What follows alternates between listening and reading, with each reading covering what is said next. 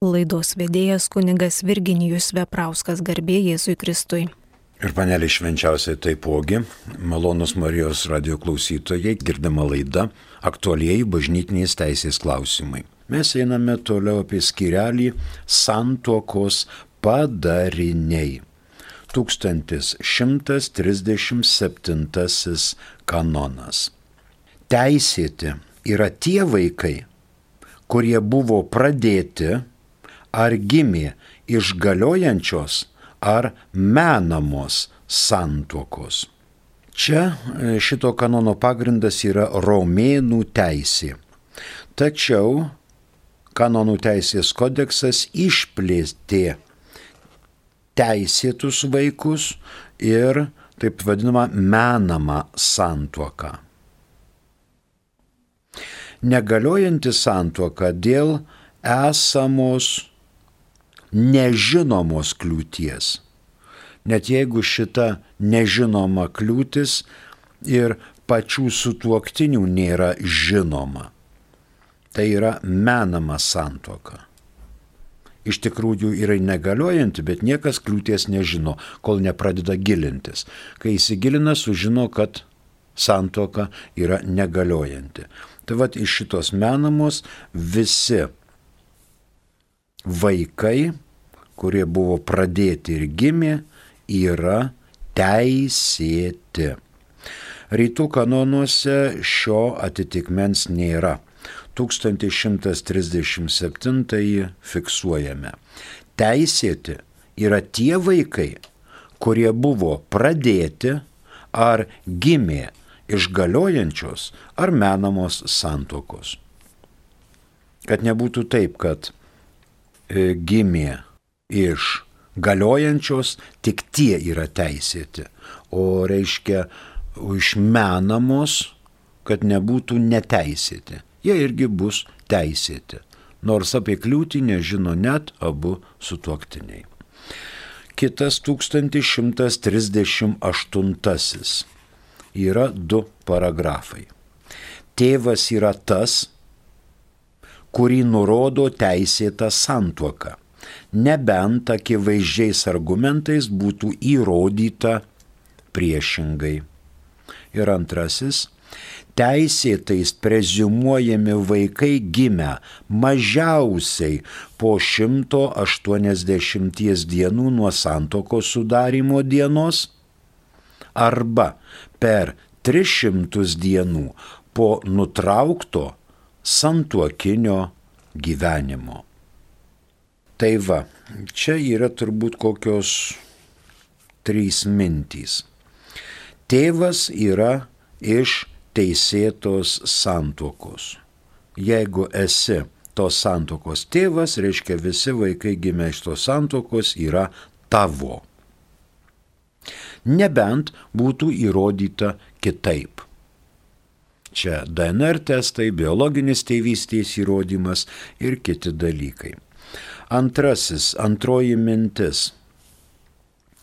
Vaikai gimė mažiausiai po 180 dienų nuo santoko sudarimo dienos. Jeigu 179 dienos, jau kyla abejonė, ar tas tėvas yra toje santokoje buvęs ir ar tai jo vaikas kita data, kitas terminas - 300 dienų po nutraukto santuokinio gyvenimo. Reiškia, jeigu šiandien nutrauktas santuokinis gyvenimas toje šeimoje ir vaikas gimsta skaičiuojant nuo šiandienos per 299 dienas, tai dar jisai skaitosi, kad jisai yra būtent to tėvo. Būtent to tėvo. Čia nežiūrint objektyvios tiesos. Jeigu įrodymai, įrodymai yra kiti, tada jau pasielgiama kitaip. Ir dabar galima pasižiūrėti į prie trečios minties į 1139, kaip neteisėti įteisinami santokos būdu neteisėti vaikai teisinami. Neteisėti vaikai įteisinami vėlesne tiek galiojančią, tiek menamą tėvų santuoką arba šventojo sosto reskriptu. Na tai dar galima ketvirtą pasižiūrėti apaštalų sosto reskriptas. Tikslas šio reskripto teisinis pakėlimas, perėjimas, teisinės pasiekmės dėl istorinės vaiko gimimo momento teisės. Kol tėvai dar nebuvo susituokę. 1138 fiksuojam. Pirmas. Tėvas yra tas, kurį nurodo teisėta santuoka. Nebent akivaizdžiais argumentais būtų įrodyta priešingai. Antrasis paragrafas. Teisėtais prezimuojami vaikai gimę mažiausiai po 180 dienų nuo santokos sudarimo dienos arba per 300 dienų po nutraukto santokinio gyvenimo. Rytų kanonuose atitikmens žinoma nėra, o 17 metų kanonų teisės kodekse tą normino 218 kanonas. Kitas 1139, jau mums girdėtas.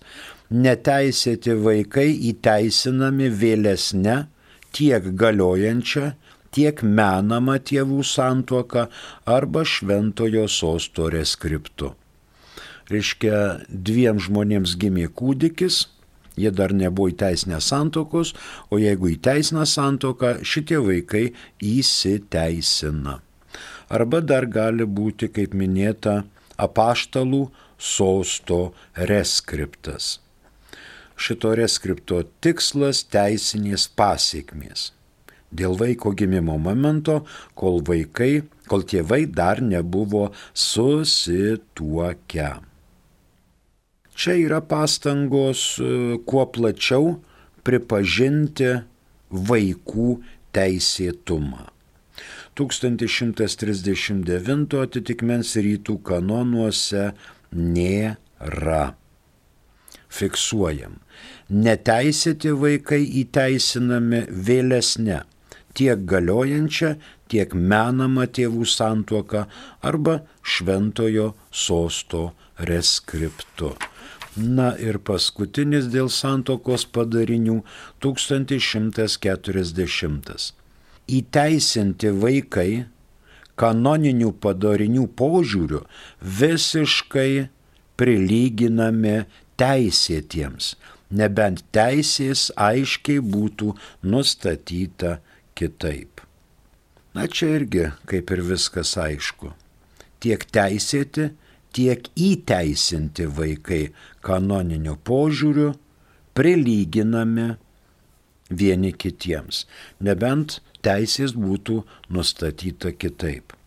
Rytų kanonuose 1140 atitikmens nėra. Fiksuojam. Įteisinti vaikai kanoninių padarinių požiūrių visiškai prilyginami teisėtiems, nebent teisės aiškiai būtų nustatyta kitaip. Dar galima pasižiūrėti į 877 kanoną. Čia dėl įrašų. 877.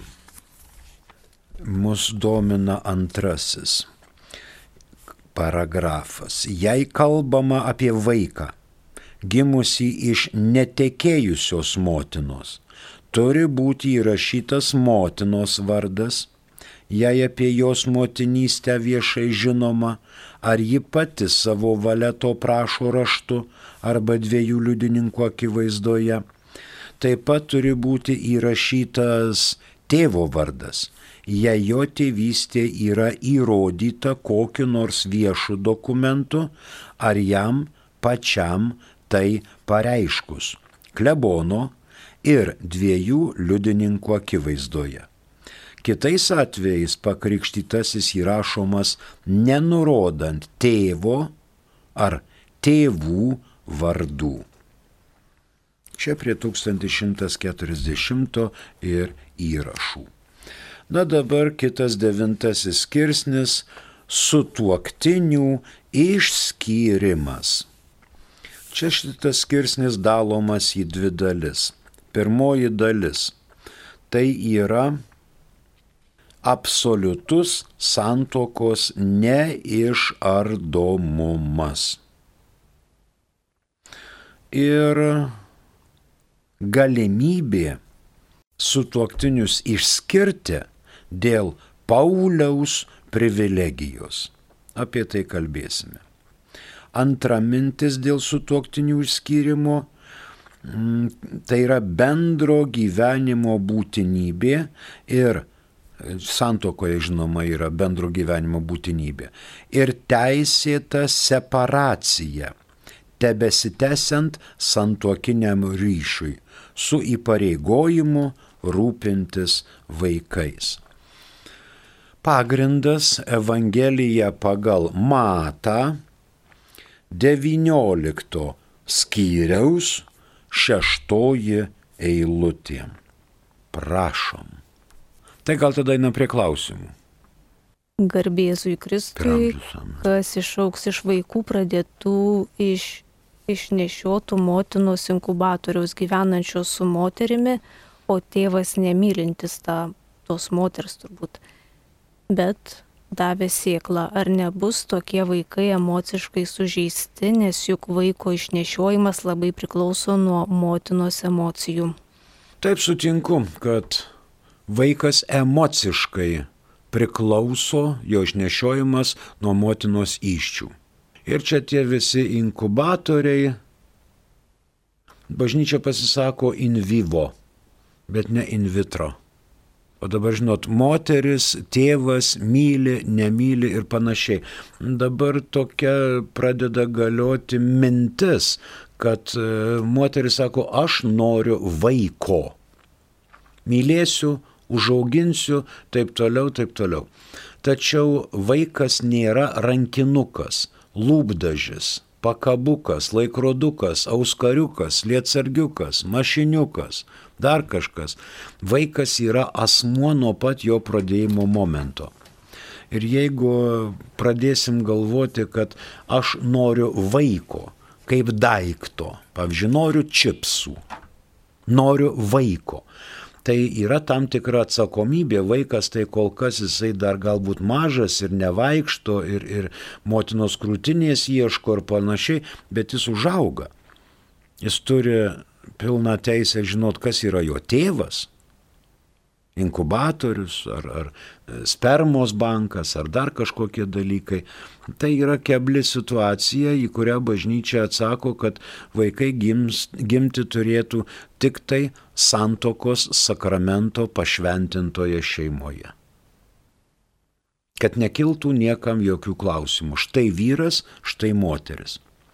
Kiti dalykai, kai yra, tarkim, nevaisingumas.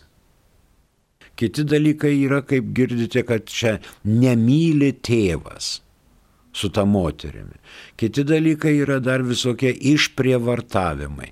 Tai čia reikia jau atskirai žiūrėti, o mes stebime vaiką ir stengiamės, kad jisai auktų mylimas, išbučiuotas, išmuiluotas, paglostytas, priglaustas visuomet užmigdomas su lopšine, kad jam netrūktų ne tik tai vitaminų, mineralų, bet ir maisto normalaus. Ir kad būtų šilta patalpa, kurisai auga. Ir taip toliau, ir taip toliau. Čia visas didelis, didelis mokslas ir atsakomybė. Ačiū. Čia nepasirašė kažkas. Kitą klausimą pasižiūrėkime homoseksualios poros teigia norinčios vaikų, o juk niekas nežiūri vaiko teisų. Tai ne bažnytinės teisės klausimas, bet prašau pakomentuoti. Vėl ta pati R raidelė. Taip, homoseksualios poros nori vaikų. Nori vaikų, taip, nori.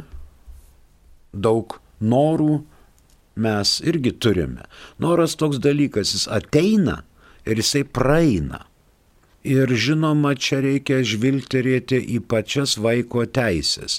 Jeigu vaikas auga dviejų tėvelių arba dviejų mamyčių sandraugoje ir kai tas vaikas užauks, tai jis tada galės turbūt valstybei tiekšt ant stalo ieškinius, kad jo vaikystėje buvo sužalota, neatsižvelgta, kad jis norėjo turėti ir tėvą, ir motiną, ir jis augo, na, vienalytėje šeimoje. Tai vėlgi ta pati mintis. Vaikas yra nedaiktas. Jis lygiai toks pat kaip mes visi ir norim žinoti tėvelį ir mamytę, norim matyti ir tėvelį ir mamytę, kaip mes augame ir abiejų autoritetas yra būtinas. Jeigu ten du vyrai, vienas laikomas mama, kitas tėčiu, arba tėv, tėvas numeris vienas, tėvas numeris du, arba motina A ir motina B, tai čia jau yra bažnyčios skelbiamas dalykas, kad netvarka, nes Dievas sukūrė Adomą ir Jėvą, bet ne du Adomus ir ne dvi Jėvas. O kad tai ne bažnytinės teisės klausimas, tai abejoju. Čia bažnytinės teisės klausimas. Mes kalbame apie santuoką, apie vyro ir moters sąjungą, kurių pagrindinis tikslas ne vien tik tai gėris tarpusavinis, bet vaikų gimdymas ir auklėjimas. Iš vienalytės santokos tėvo A ir tėvo B negimsta vaikas. Ir iš motinos A ir motinos B taip pat negimsta vaikas. Šeimos struktūroje reikalingas tėtis ir mama, kad gimtų vaikai. Tai bažnyčia ir prisilaiko šitos minties. Ačiū iš klausimus. Dabar eikime prie sutuoktinių išskyrimo toliau. 1141 kanonas. Dabar matą dar pacituokime, prašom. Eilutės dar priminkit. 19 skyriaus šeštoji. Taigi jie jau nebe du, o vienas kūnas, ką tad Dievas sujungė, žmogus ten neperskiria. Ačiū. Na, va girdėjote tą mintį. Jie jau nebe du, bet vienas kūnas. Vyras ir moteris. Ir ką Dievas sujungė, žmogus ten neišskiria. 1141. Tikros ir įvykdytos santuokos negali išardyti jokia žmogiška gale ir dėl jokios priežasties, išskyrus mirtį. Tai šis kanonas patvirtina santuokos neišardomumą jei po sakramentinio santokos sudarimo juos suvienyje seksualinis ryšis. ryšys. Sakramentinis ryšys, žinoma, yra tarp abiejų pakrikštytųjų. Galim pasižiūrėti į 1056 kanoną.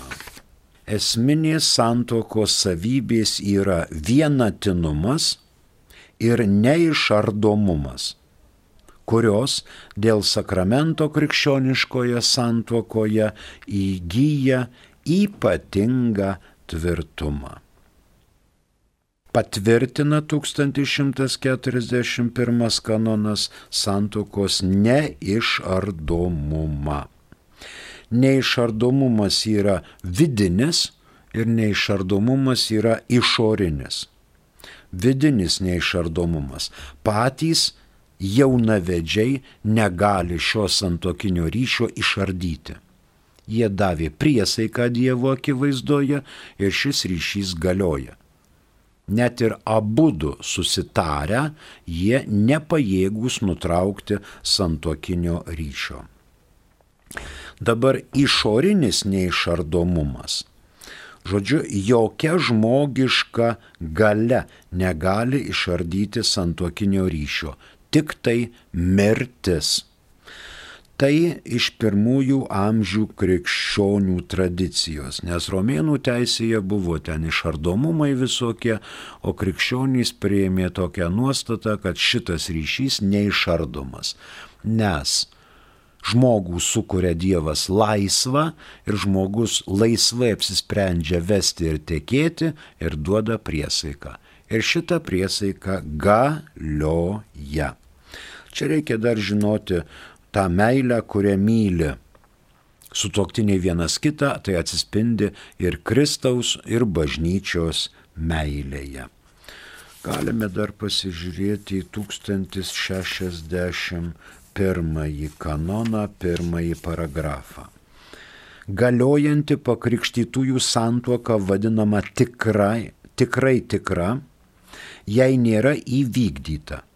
Tikra ir įvykdyta, jei sutuoktiniai tarpusavyje žmogiškų būdų atliko savaime tinkamą palikonį gimdymui aktą, kuriam santuoka pagal savo prigimtį skirta ir kuriuo sutuoktiniai tampa vienu kūnu. Tai vėl čia vienas kūnas. E, santoka tikra ir galiojanti. Jeigu sudaryta santuoka buvo prie altoriaus viskas tvarkoj, bet po to, jeigu, reiškia, nebuvo natūralaus tarp vyro ir moters tarpusavį žmogiškų būdų atlikto akto skirto palikonių gimdymui. Tai tada jinai yra tikra, bet neįvykdyta. Neįvykdyta ir gali būti išardoma. Pavyzdžiui, nuo vestuvių stalo atėjo pasiuntinukas ir pasakė, karininkė karas. Ir tas trenkia visų šampano taurės, dedasi uniformą, bėga į mūšį, ten žūsta. Tai santoka tikrai buvo tikra, bet ne, ne nepavartota, bet reiškia neįvykdyta.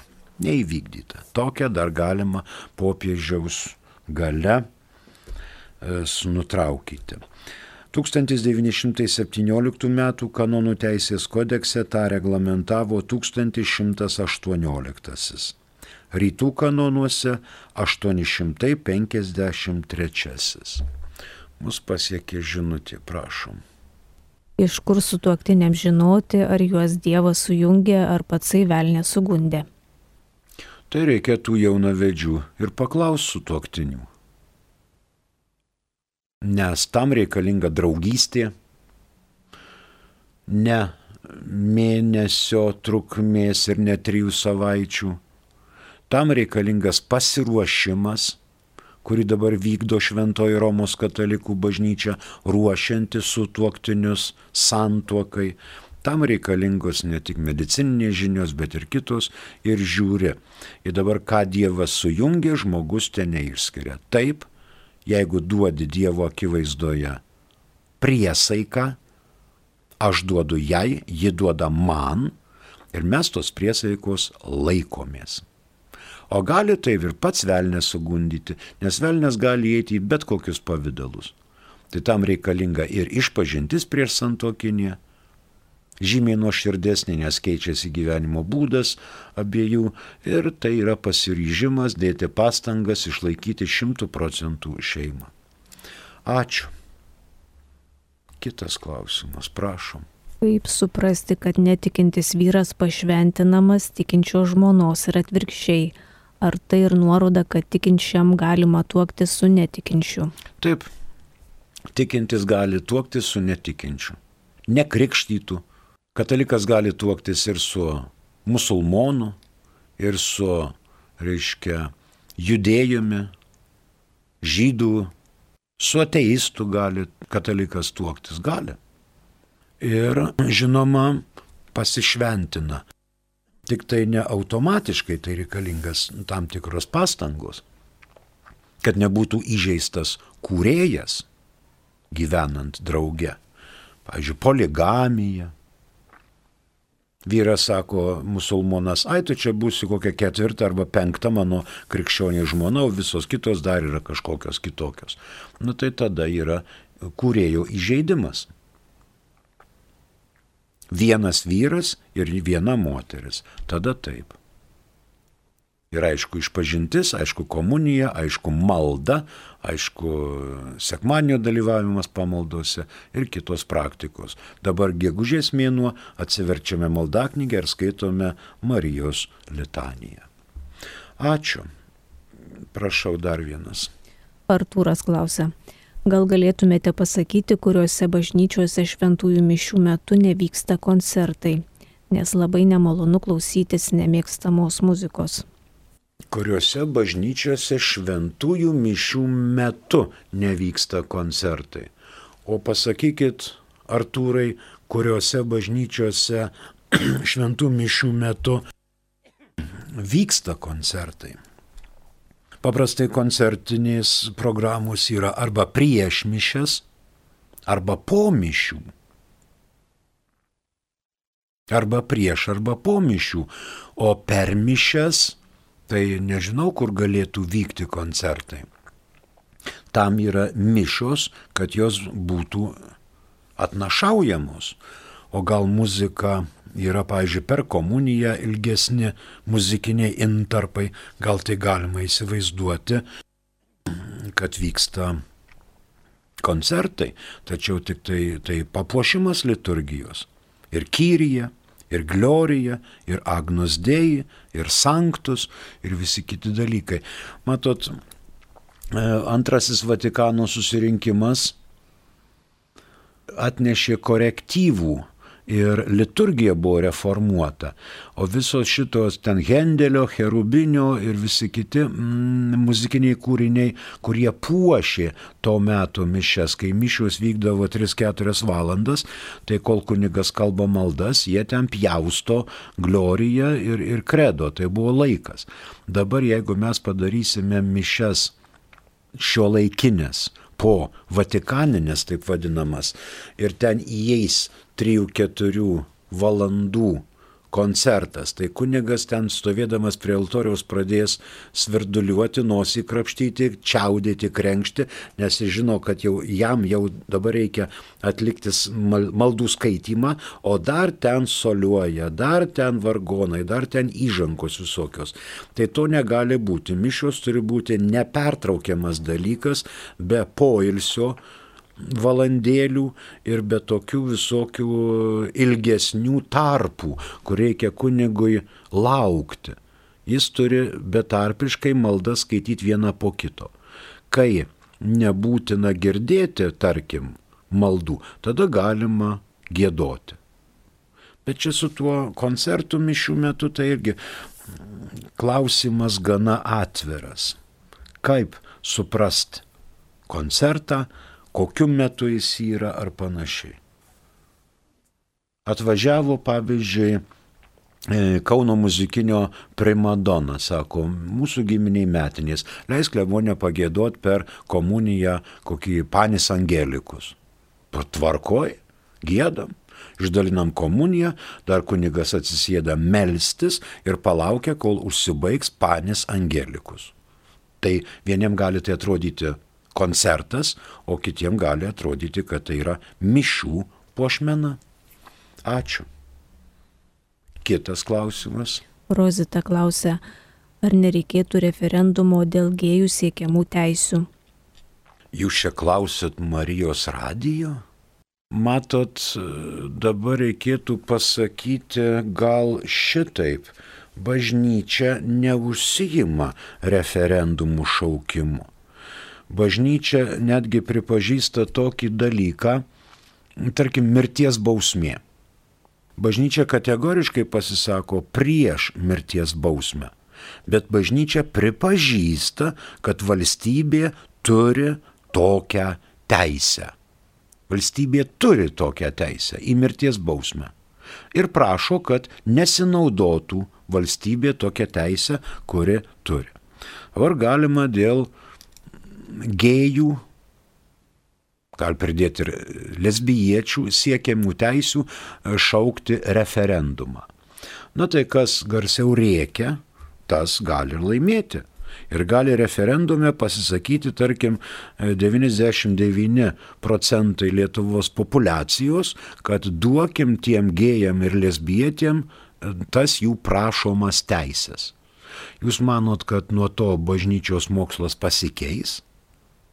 Bažnyčia neužsijims krikščioniškos antropologijos kaita ir nepaskelbs, kad laiminsim santokas dviejų vyrų ar dviejų moterų. To tai nebus. Bet valstybiniu mastu tada jie galės ten būti kartu. Bet nei bus galima jiem krikšto tėvais būti ir taip toliau prasidės visa plejada dalykų. Italų viskupų konferencija, pavyzdžiui, uždraudė krikšto tėvais būti mafijos nariai, nariams. Uždraudė. Jeigu tu mafijos narys esi, kovoji prieš, tai tu negali būti krikšto tėvu. Arba krikšto mama atitinkamai. Taip ir čia. Šaukit referendumą, kas trukdo Bet yra dar įstatyminė bazė, dar reikia pasižiūrėti, kas parašyta konkordate tarp Lietuvos Respublikos ir katalikų bažnyčios. Ačiū. 1141 fiksuojame. Rytų kanonuose, kaip minėjau, tai yra 853. 1141 tikros ir įvykdytos santokos negali išardyti jokia žmogiška gale ir dėl jokios priežasties, išskyrus mirtį. Na, kiek mums liko? Dvi minutės, tai nepradėkime. Kitoje laidoje mes kalbėsime apie 1142 Ir toliau čia apie santokinio ryšio nutraukimą. Kol ateis skirelis, straipsnis antrasis - separacija, kai išlieka ryšys. O dabar kalbame su tuoktiniu išskirimas ir ryšio nutraukimas. Yra visokių gyvenimiškų situacijų ir kartais būna labai nemalonių, kai bažnyčia dedam, dėdama visas pastangas stengiasi su tuoktiniams padėti. Dėkojame, kad klausėte. Prie mikrofono dirbo kunigas Virginijus Veprauskas. Ačiū ir sudie.